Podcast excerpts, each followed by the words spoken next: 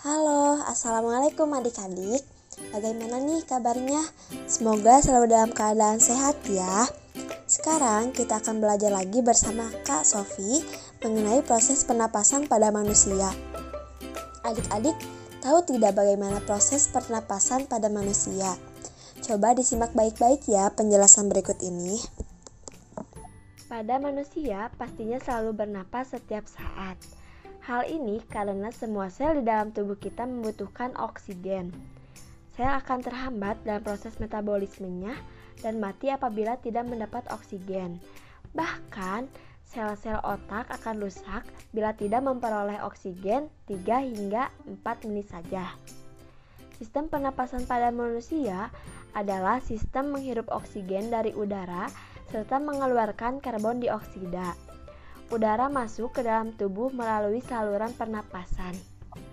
Urutan saluran pernapasan yaitu rongga hidung, paring, laring, trakea, bronkus, dan paru-paru.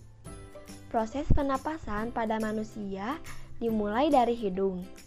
Udara yang diisap pada waktu menarik napas biasanya masuk melalui lubang hidung kiri dan kanan selain mulut.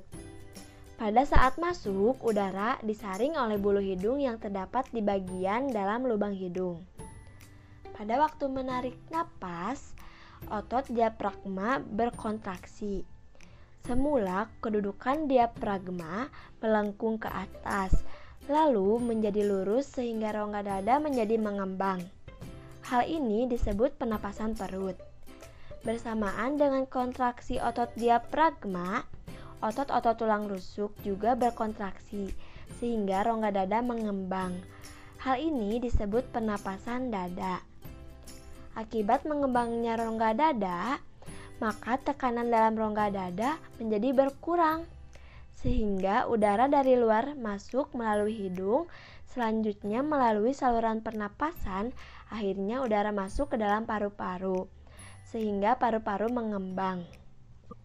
Setelah melewati rongga hidung, udara masuk ke kerongkongan bagian atas, lalu ke bawah untuk selanjutnya masuk ke tenggorokan.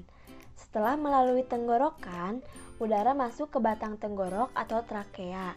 Dari sana diteruskan ke saluran yang bernama bronkus. Saluran bronkus ini terdiri dari beberapa tingkat percabangan alveolus di paru-paru. Udara yang diserap melalui alveoli akan masuk ke dalam kapiler yang selanjutnya dialirkan ke pena pulmonalis atau pembuluh balik paru-paru. Gas oksigen diambil oleh darah. Dari sana, darah akan dialirkan ke serambi kiri jantung dan seterusnya. Selanjutnya, udara yang mengandung gas karbon dioksida akan dikeluarkan melalui hidung kembali.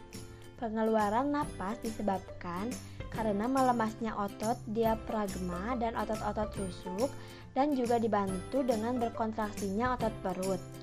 Diafragma menjadi melengkung ke atas tulang-tulang rusuk turun ke bawah dan bergerak ke arah dalam. Akibatnya, rongga dada mengecil sehingga tekanan dalam rongga dada naik. Dengan naiknya tekanan dalam rongga dada, maka udara dari dalam paru-paru keluar melewati saluran pernapasan. Nah, adik-adik, bagaimana? Sekarang sudah tahu kan bagaimana proses pernapasan yang terjadi pada manusia? Mudah-mudahan adik-adik dapat memahaminya ya. Terima kasih. Tetap semangat belajarnya. Jangan lupa selalu jaga kesehatan.